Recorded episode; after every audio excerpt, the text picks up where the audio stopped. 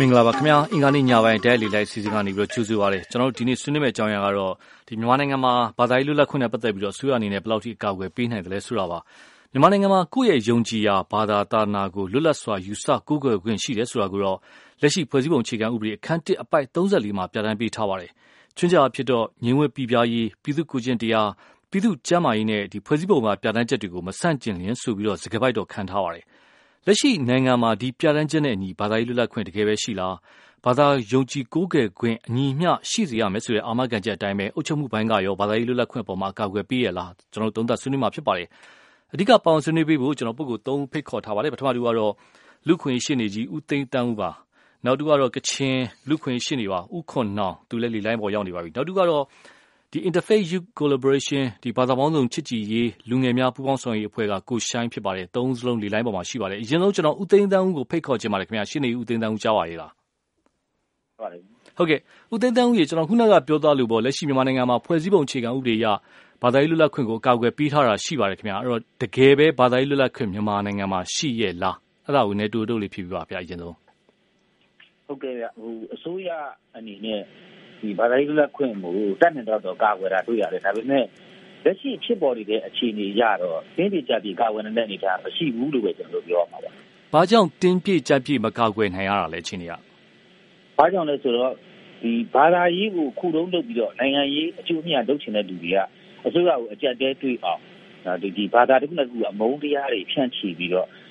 ဒီလှုပ်ဆော်မှုတွေလုပ်နေတဲ့အတွက်အဲ့ဒါတွေကိုနှိမ်နှင်းမယ်ဆိုရင်လည်းပဲမလိုလားတဲ့ပြဿနာတွေရှိနိုင်တော့တချို့ ကိစ္စရပ်တွေမှာအစိုးရအနေနဲ့သတိကြီးထားလုပ်နေတာကိုကျွန်တော်တွေ့ပါတယ်ဒါမှမဟုတ်တင်းပြကြက်ပြီးတော့အကာအကွယ်မပေးနိုင်ဘူးဟုတ်ကဲ့အဲ့မှာတစ်ချက်တည်းကျွန်တော်တစ်ချက်ကျွန်တော်မေးချင်တာကမြန်မာနိုင်ငံဟာဗုဒ္ဓဘာသာအများစုရှိဖြစ်တဲ့ရှိတဲ့နိုင်ငံဖြစ်ပါတယ်တစ်ချိန်တည်းမှာပဲဒီလူနည်းစုဘာသာဝင်တွေလည်းအများကြီးရှိပါတယ်အဲ့တော့လူနည်းစုဘာသာဝင်တွေဘက်မှာဘက်ကိုအကာအကွယ်ကာကွယ်ရောအစိုးရအနေနဲ့လုံလောက်ပေးနိုင်ရလားကျွန်တော်ခုနပြောတဲ့အထက်မှာပါသွားပါပြီပြည်ပြည်ဆိုရင်မပေးနိုင်ဘူးကြက်ချီဖြစ်နေတဲ့နိုင်ငံရေးအခြေအနေတွေနဲ့တစ်ဖက်ထိုးနဲ့ တိုက်ခဲ့မှုတွေအရာပေါ့နော်။ချောင်ပိတ်ခံရတာတွေရှိတော့သူတို့ကာကွယ်သင့်သလောက်မကာကွယ်နိုင်ဘူးလို့ပဲကျွန်တော်ပြောရမှာဖြစ်ပါတယ်။ဟုတ်ကဲ့ခင်ဗျ။ဦးသိန်းသန်းဦးလေလိုင်းပေါ်မှာခဏနေပေးပါဦးခင်ဗျ။ကျွန်တော်ကိုခွန်းအောင်ဖိတ်ခေါ်ချင်ပါတယ်။ကိုခွန်းအောင်ရေကျွန်တော်ခုနကမေးနေတဲ့ဇာပဲထပ်မေးချင်ပါတယ်။လူနည်းစုဘာသာဝင်တွေနဲ့ပတ်သက်ပြီးတော့အစိုးရရဲ့ကာကွယ်ပေးမှုလုံလောက်လောက်ရှိပါရဲ့လား။အဲကျွန်တော်တို့သတင်းတွေမှာလည်းအများကြီးမြင်ရတဲ့အတိုင်းပဲကျွန်တော်လူနည်းစုတွေကိုတော့အစိုးရအနေနဲ့သိပြီးတော့မှဆရာဦးသိန်းတန်းဦးပြောသလိုပေါ့လေသိပြီးကာကွယ်နိုင်တာမရှိဘူးလို့ ကျွန်တော်သုံးသပ်ရရှိတယ်ဘာလို့ဆိုတော့ကျွန်တော်ပူတာဦးဒေတာမှာဆိုရင်တော်လေးဆူဆူဝါရှိတာပေါ့လေအာကောင်းမှုလုံးဘေးနာလေးကစီဒီဘေးနာလေးအပေါင်းအကျင်မှာရှိတဲ့ဒေတာခံခရိယာမိသားစုတွေကြတော့ရွှေ့ခိုင်းတာပေါ့လေမိုးပင်းချိန်ကြီးမှာပေါ့နော်ဖျား area ဖြစ်လို့ဆိုပြီးအတင်းတမရွှေ့ခိုင်းတာတွေရှိတယ်ဒါပေမဲ့အဲ့ပတ်ဝန်းအဲ့ဟိုကောင်းမှုလုံးနဲ့ဘေးနာလေးမှာရှိနေတဲ့ဒီရှမ်းတို့ဗမာတို့ဘုရားဘာသာဝင်တွေကြတော့မရွှေ့ခိုင်းဘူးခရိယန်ဘာသာဝင်တွေကြတော့ရွှေ့ခိုင်းတယ်ဆိုတော့ ဟာတွေဖြစ်နေတဲ့အခါကျတော့ကျွန်တော်တို့ကအစိုးရအနေနဲ့ဒါကြီးကိုအညီအမျှအကာအကွယ်ပေးတယ်လို့ပြောဖို့ခက်တာပေါ့လေဟုတ်ကဲ့အဲ့မှာကျွန်တော်တခုမေးချင်တာကလက်ရှိခုနကအညီမျှမကာကွယ်မပေးနိုင်တဲ့ခါမှာဦးသိန်းတိုင်းခုနထောက်ပြတယ်နိုင်ငံရေးပြောကားတွေပါတယ်တခြားလှုံ့ဆော်မှုတွေပါတယ်ဒီအခြေအနေကြောင့်လို့ထောက်ပြပါတယ်ဒီအခြေအနေကြောင့်တက်တက်ပဲလားအစိုးရကိုယ်တိုင်ကကောဘာသာရေးလူနည်းစုဘာသာဝင်တွေကိုအကာအကွယ်ပေးရမယ်ဆိုတဲ့သူ့ရဲ့ will ပေါ့နော်သူ့ရဲ့စိတ်ဆန္ဒတကယ်ရှိတယ်လို့ယူဆပါလား အဲအဲ့ဒါကလည်းကျွန်တော်တို့အမြင်ကတော့ဟိုတစ်စိတ်တစ်ပိုင်းတော့ရှိတယ်လို့တော့ယူဆတာပေါ့လေဒါပေမဲ့တကယ်တကယ်တိတိယရောက်လုံနိုင်တာတော့မရှိဘူးလို့ကျွန်တော်ယူဆတယ်ဘာဖြစ်လို့ဆိုတော့မဘာသာကိုတရားမဝင်တင်းလို့ကြော်ညာတာတွေသတင်းမှတွေကျွန်တော်အများကြီးတွေ့ရတယ်ဒါပေမဲ့တကယ်တကယ်ဥပဒေအရာတကယ်တကယ်လောက်လာတဲ့အခါမှာတိတိယောက်ကင်တွယ်ပြီးလုံနိုင်တာမရှိတဲ့ဟာတွေကျွန်တော်တော်တော်များတွေ့ရတာပေါ့လေအဲ့ဒါကိုကြည့်ချင်းအဖြစ်အစိုးရအနေနဲ့လည်းအတင်းပြတ်ပြည့်ပြီးတော့ ဒီလူညီမျှအကာအကွယ်ပြီးဖို့ကအခက်ခဲရှိတယ်လို့အဲတကယ်တကယ်လုံနိုင်တဲ့အနေထားလဲမရှိဘူးလို့ပဲကျွန်တော်တို့သုံးသပ်ရရှိတာပေါ့ဟုတ်ကဲ့တစ်ချိန်တည်းမှာပဲအစိုးရမှာကျွန်တော်တို့ပြောမယ်ဆိုရင်တာနာရေးဝန်ကြီးဌာနဆိုတာရှိပါတယ်ခင်ဗျာအဲ့တော့တာနာရေးဝန်ကြီးဌာနရဲ့ဘာသာယုံကြည်ကိုးကွယ်မှုတွေအပေါ်မှာကင်တွယ်မှုကရောညီတူမျှတူရှိပါရဲ့လားအဲ့ဒါလည်းခဏပြောသလိုပေါ့လေကျွန်တော်တို့ကျွန်တော်တို့ဒေတာမှာတွေတော့ဟိုညီတူညတူမရှိဘူးလို့ပဲကျွန်တော်တို့ယူဆရတာပေါ့လေ ခဏပြောလို့အထင်ရှားဆုံးဖြစ်တဲ့ဒီကောင်းမှုလုံဇီဒီဘေးနာလေးကခရိယာမိသားစုတွေကိုကြောင်းရွှေ့ခိုင်းတဲ့ကိစ္စတွေကတော်တော်ကြီးကိုဆူဆူဝါဖြစ်တာပေါ့လေအဲ့ဒါကိုကြည့်ချင်းအဖြစ်ဒီအာတာနိုင်ဝန်ကြီးဌာနအနေနဲ့တထိထိရောက်ရောက်ဒီဒီညလူကိုမလုတ်ပေးနိုင်ဘူးလို့ပဲဒေသခံတွေလည်းယူဆနေကြတာပေါ့ဟုတ်ကဲ့ခင်ဗျကျွန်တော်ဥခုနောင်လည်းခဏဒီ live ပေါ်မှာနေပြပါခင်ဗျကျွန်တော်ကိုရှိုင်းဖိတ်ခေါ်ကြပါလေကိုရှိုင်းခုနကမိကုံးမဲ့မိကြပါလေလူနည်းစုဘာသာဝင်တွေနဲ့ပတ်သက်လို့အစိုးရရဲ့အကာအကွယ်ပေးမှုလုံလောက်ပါရဲ့လားဟုတ်ကဲ့ခင်ဗျအဲ ဒီ NLD အစိုးရတက်လာပြီးရဲ့နောက်ပိုင်းမှာဒီလူနည်းစုဘာသာဝင်တွေကိုအကာအကွယ်ပေးနိုင်မှုကအတော်လေးကိုလျော့နေလာတာတွေ့ရတယ်တချို့အခြေအနေတွေမှာဆိုရင်ကျွန်တော်တို့အရင်အစိုးရတွေလက်ထက်ကအထက်ကိုပိုဆိုးလာတဲ့အနေအထားမျိုးတွေလည်းတွေ့ရတယ်ပေါ့နော်အထူးသဖြင့်ဒီဘက်နောက်ပိုင်းမှာဆိုရင်ကျွန်တော်တို့ဒီခရစ်ယာန်ဘာသာဝင်တွေရောအစ္စလာမ်ဘာသာဝင်တွေရောတော်တော်များများကြုံတွေ့နေရတာမျိုးတွေရှိတယ်ပေါ့လေဆိုတော့ဟိုဒီအစိုးရအနေနဲ့ကအထူးသဖြင့်ကျွန်တော်တို့ဖွဲ့စည်းပုံ အခြေခံဥပဒေထဲမှာလည်းပါတယ်နော်ဘာသာတရားတိုင်းကိုအားလုံးကိုဒီ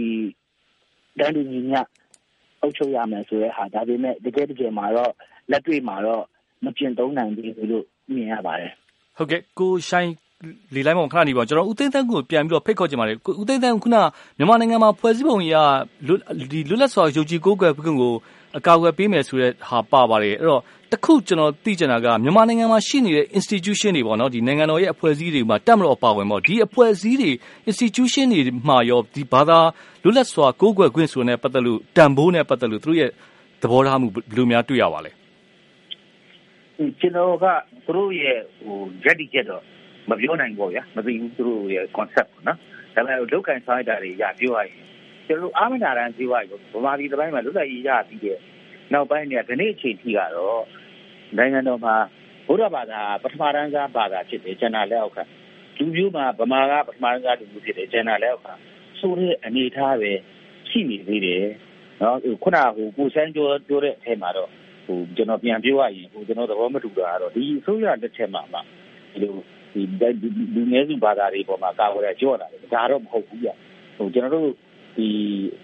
ခေတ်ကာလကျုံတဲ့ကျုံတဲ့1958ပထမစစ်အာဏာသိမ်းမှုကြံတဲ့ဒီကြစေအာဏာသိမ်းမှုကစပြီးတော့လိုအပ်တဲ့အခါတိုင်းမှာဒီ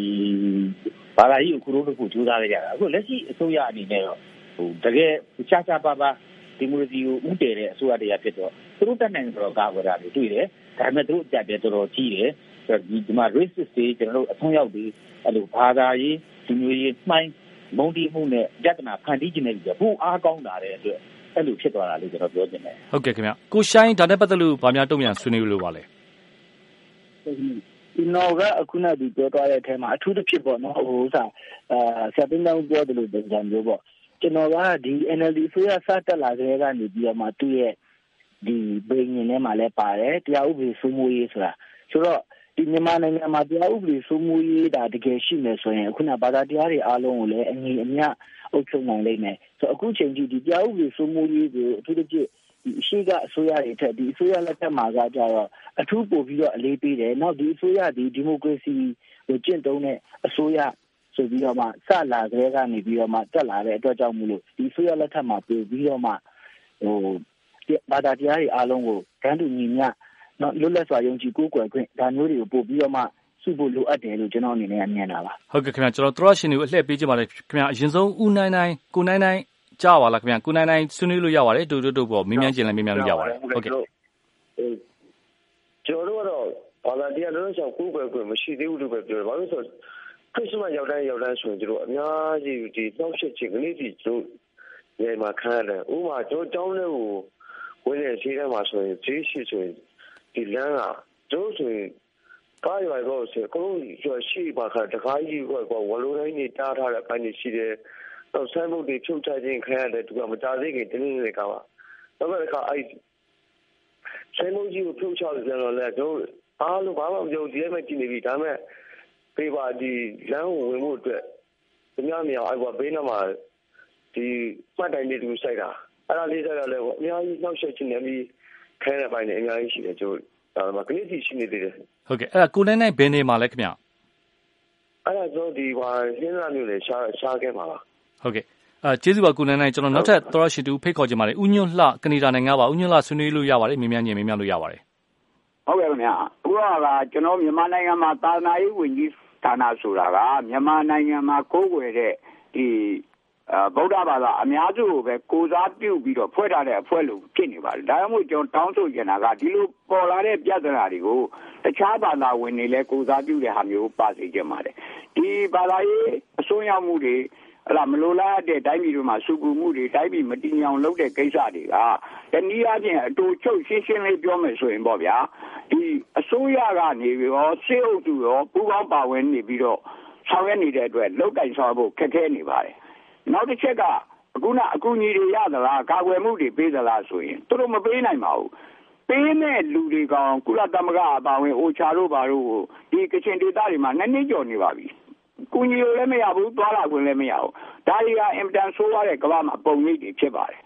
နော်တနည်းအားဖြင့်ဗုဒ္ဓဘာသာရဲ့ပုံရိပ်ကရှူအောင်တော်လိုင်းနောက်ပိုင်းကာလဒီမှာဗုဒ္ဓဘာသာတန်ဃာတော်ဘာမှာထားရှိတဲ့လေးစားယုံကြည်မှုတွေ နော်အခုလိုဖြစ်ပေါ်နေတဲ့ပြိပက္ခတွေပေါ်မှာနိုင်ငံတကာကဝေဖန်ပြီးတော့အကဲဆက်တဲ့ပြန်လဲတွေးအဲဒီအကဲဆက်ဆက်နဲ့ပြန်ပြီးတော့ပြောနေတဲ့စကားတွေကကိုယ့်ရဲ့လူ့အဖွဲ့အစည်းရဲ့မှာဒီလိုအနိုင်ကျင့်မှုတွေအကြမ်းဖက်မှုတွေမရှိစေဖို့ကြိုတင်တားမြစ်မှလား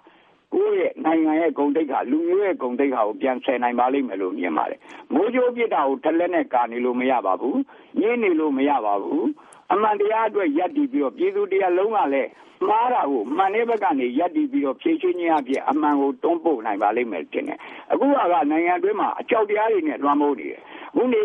ဒီကစီမံကိန်းတွေနဲ့လုပ်နေတယ်လို့ပါကျွန်တော်တို့ပြောလို့ရတယ်။ဘာကြောင့်ဆိုတော့မွတ်စလင်ပြည်တယ်မွတ်စလင်ပြည်ခရစ်ယာန်လာမယ်ခရစ်ယာန်လာပြီးရင်တိုင်းသားတွေလည်းလာမှာပဲဒါကစနစ်တကျဆောင်ရွက်နေတယ်အဓိကအပြင်ခုနဦးသိန်းတောင်ပြောသလိုပဲနိုင်ငံကိုမတည်ငြိမ်အောင်လုပ်နေတဲ့အုပ်စုတွေရှိနေတယ်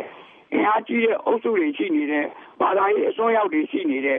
အဲ့ဒါတွေကိုဥပဒေကြောင့်ရတိတိကျကျနဲ့နေနေကြိုက်ွယ်မပြေရှင်းဘူးဆိုရင်မြန်မာနိုင်ငံရဲ့အနာဂတ်ကသိကြည့်လို့မကောင်းတော့ဘူးလို့ဖြစ်မယ်ဟုတ်ကဲ့ဟုတ်ကဲ့ဦးညွတ်လိုက်ဟုတ်ကဲ့ကျေးဇူးအများကြီးတင်ပါတယ်ခင်ဗျကျွန်တော်တို့ရှင်တဦးရဲ့စာကိုလည်းဒီနေရာမှာဖတ်ချင်ပါတယ် သူကတော့ ဦးတင်ငွေပါ သူပြောတာကတော့ ဖွဲ့စည်းအုပ်ချုပ်ပုံ အခြေခံဥပဒေအရ လွတ်လပ်စွာ ကိုးကွယ်ခွင့်ရှိတယ်ဆိုပေမဲ့ဥပမာ မျိုးစောင့်ဥပဒေကို ကြည့်မယ်ဆိုရင် ဘာသာကြားတွေကို နှိပ်ကွပ်တဲ့ ဥပဒေဖြစ်ပါတယ်တဲ့ ဥပဒေတစ်ခုကို ကြည့်မယ်ဆိုရင် တရားမျှတမှုတာတူညီမျှမှု ကောင်းတဲ့ စိတ်စေတနာတွေနဲ့ ပြဋ္ဌာန်းရမိပေမဲ့အဲ့ဒီ မျိုးစောင့်ဥပဒေဟာ အဲ့ဒီ သုံးချက်စလုံးနဲ့ မကိုက်ညီပါဘူးတဲ့ ဒါဟာ လွတ်လပ်စွာ ယုံကြည်ကိုးကွယ်ခွင့်ကို ထိပါနေတာပါတဲ့ ဒါ့အပြင်နဲ့တာဝန်ဥအောင်ကိုက ပြင်ကျင်တယ်ဆိုတာ ရိုးရိုးမပြောဘဲနဲ့အစွန်းရောက်ဘာသာကြီးတစ်ခုက မိမ၄ ယောက်ယူပြီးတော့ဗုဒ္ဓဘာသာပြောင်းအောင်လုပ်နေတယ်လို့ ပြောဆိုလျှောက်ထားတာဟာ လူနည်းစု အစ္စလမ်ဘာသာကို ရည်ညွှန်းတယ်ဆိုတာ ပေါ်လွင်ပါတယ်တဲ့။ဝန်ကြီးတူအနေနဲ့ ဒီလိုပြောဆိုတာဟာလည်း ဘာသာရေးလွတ်လပ်ခွင့်ကို ထိပါးစေပါတယ်တဲ့။ ခရစ်ယာန်ဘုရားကျောင်းဝင်းထဲမှာ ဗလီဝင်းထဲမှာဇီဒီဝင်ပြီးတော့တည်တာကိုလည်း အစိုးရက ဘာမှ မလုပ်ပေးနိုင်တာကိုကြည့်လို့ရှိရင် အစိုးရက လူနည်းစုဘာသာဝင်တွေကို အကာအကွယ်မပေးဘူးဆိုတာ သိသာပါတယ်ဆိုတော့ဦးတင့်ငွေက သုံးသပ်ရေးသားထားပါတယ်။ဒါနဲ့ပတ်သက်လို့ကျွန်တော်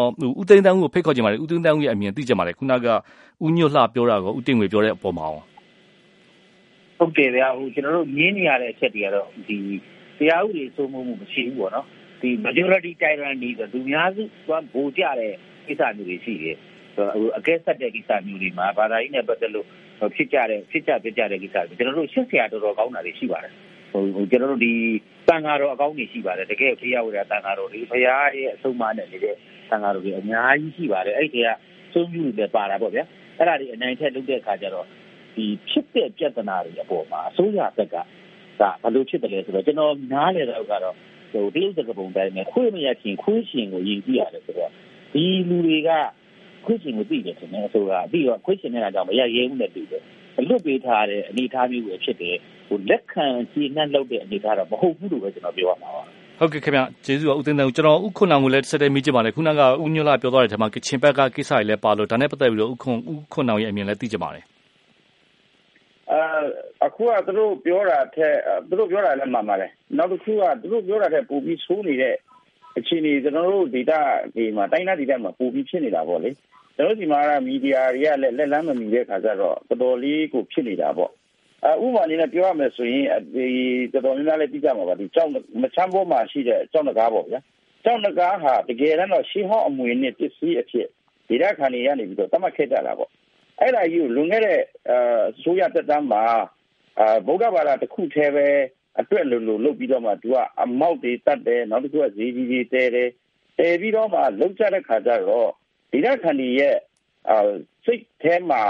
ဒီအစိုးရအနေနဲ့ဟာဘာသာတစ်ခုတည်းကိုပဲပို့ပြီးအလေးစားပြီးတော့မှဘက်လိုက်ပြီးတော့မှလုပ်နေတယ်ဆိုပြီးတော့မှအမြင်တွေရှိနေတာပေါ့အဲ့ဒီကိစ္စတွေကလည်းမီဒီယာတွေမှာတော့တိတ်ပြီးကြကြပြန့်ပြန့်မဖြစ်ဘူးပေါ့နော်ဆိုတော့ခဏတော့ဟိုဟို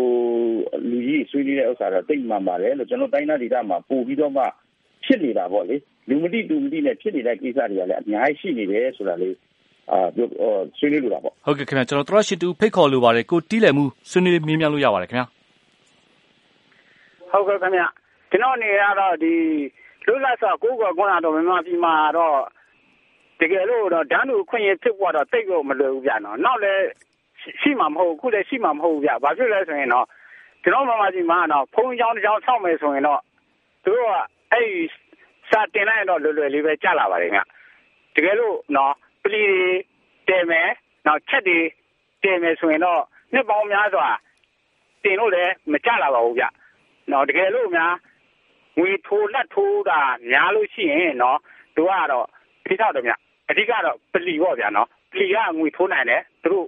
နော်ဆောက်ခွင့်ပေးတယ်အဲ့လိုမျိုးပုံစံမျိုးနဲ့သူတို့လှုပ်ဆောင်တာကျွန်တော်တွေ့ရပါတယ်ခင်ဗျတကယ်လို့များချက်တွေဆိုရင်တော့နှစ်ပေါင်းများစွာကြာတယ်ဒီတိုင်၄၅တိုင်ကနေတော့ဒီတိုင်းအခုပြန်ကြည့်တယ်ဒီတိုင်းဒီတိုင်းပါပဲခင်ဗျ ကျွန်တော်တို့တွေ့မြင်နေရပါတယ်ဒါကြောင့်မို့လွတ်လပ်စွာကိုယ်ကွယ်ကိုယ်ကတော့မြန်မာပြည်မှာတော့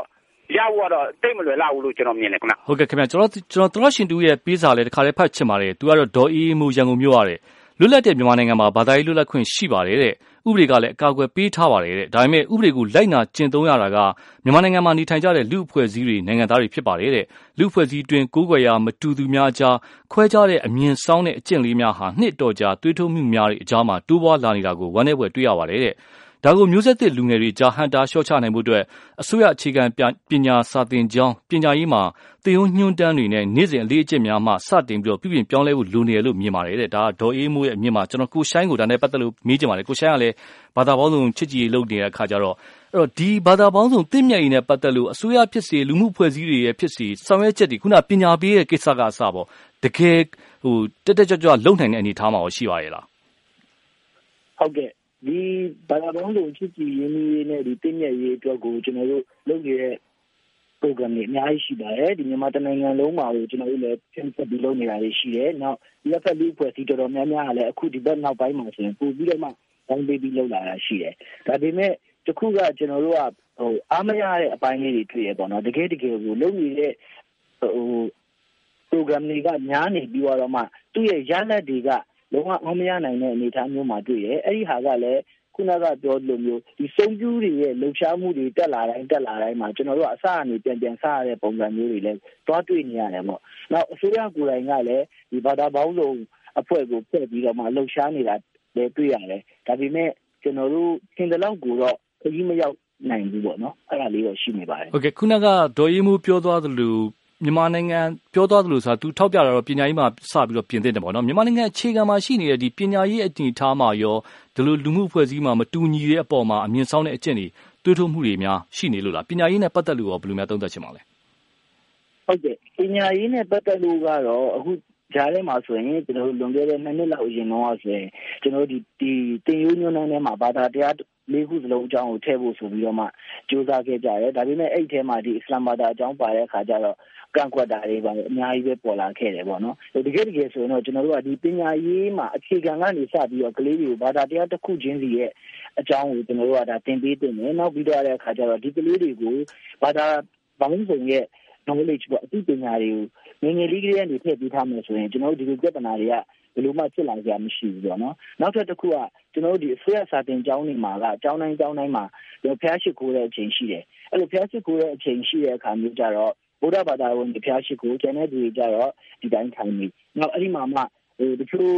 ကလေးတွေဆိုရင်ဗုဒ္ဓဘာသာဝင်မဟုတ်တဲ့ကလေးတွေကအဲ့ဒီမှာများဟိုတခုခုဆိုရင်အပြစ်ပေးခံရတာဒါကျွန်တော်တို့ကိုယ်တိုင်လည်းခံခဲ့ရတယ်ငယ်ငယ်တုန်းကဆိုရင်တရားထိုင်နေတဲ့အချိန်တို့ဖျားရှိခိုးတဲ့အချိန်တို့မှဆိုရင်ဟိုတချို့ကလေးတွေကဒီတိုင်းမထိုင်နေအပြင်မှာထွက်ပြီးတော့ပြစ်ဒဏ်ပေးခံရတာလို့ဒါမျိုးတွေဆိုရင်ကျွန်တော်တို့နောက်ပိုင်းမှာဒါတွေကပြောင်းလဲရမယ့်ကိစ္စတွေပေါ့နော် အဲ့ဒါတွေကလည်းကျွန်တော်တို့ဒီပညာရေးမှာအခြေခံကနေစပြီးတော့လုပ်ရမယ့်ကိစ္စတွေပါပဲဟုတ်ကဲ့ခင်ဗျကျွန်တော်နောက်ဆုံးဦးသိန်းတန်းဦးကိုမေးချင်ပါတယ်ခင်ဗျဒါကတော့ခုနကတော့ပညာရေးကိစ္စပဲကျွန်တော်အပေါ်ပိုင်းကိုမေးချင်ပါတယ်အဓိကမြန်မာနိုင်ငံဟာဗုဒ္ဓဘာသာအများစုဆိုပေမဲ့ဗုဒ္ဓဘာသာဟာနိုင်ငံတော်ဘာသာမဟုတ်ပါဘူးတော်များနိုင်ငံတော်ဘာသာလို့ပြောနေကြပါတယ်အဲ့တော့ဒါပေမဲ့တစ်ဖက်မှာအရင်စစ်ဆိုးရကာလတွေတဲကအခုအစိုးရကာလတွေအထိပါသူတို့ရဲ့လှုပ်ရှားမှုတွေကြည့်မယ်ဆိုလို့ရှိရင်ဖျားတဲတာဗုဒ္ဓဘာသာလှုပ်ရှားမှုတွေလုပ်တာဒီပေါ်မှာဥဆောင်ပြီးတော့လှုပ်လှုပ်တာတွေများပါတယ်အဲ့တော့ဒီအခြေအနေကတခြားလူနည်းစုဘာသာဝင်တွေအတွက် အထင်လွဲစရာဖြစ်မနေဘူးလားဒါကိုတစုံတရာပြောင်းဖို့မြင်တယ်လို့လို့တော့မမြင်ဘူးလားဦးသိန်းသန်းဦးအမြင်သိကြပါလေဟုတ်ကဲ့ဗျာခုနပြောလို့ကျွန်တော်တို့နိုင်ငံတော်ဘာသာတော့မဟုတ်ပါဘူးဒါဒီများစုကိုကိုတဲ့ဘာသာဆိုတော့အုပ်ဆိုးတဲ့လူကလူတို့အများကြီးအထောက်ခံမှုရဖို့လိုအပ်တာဟုတ်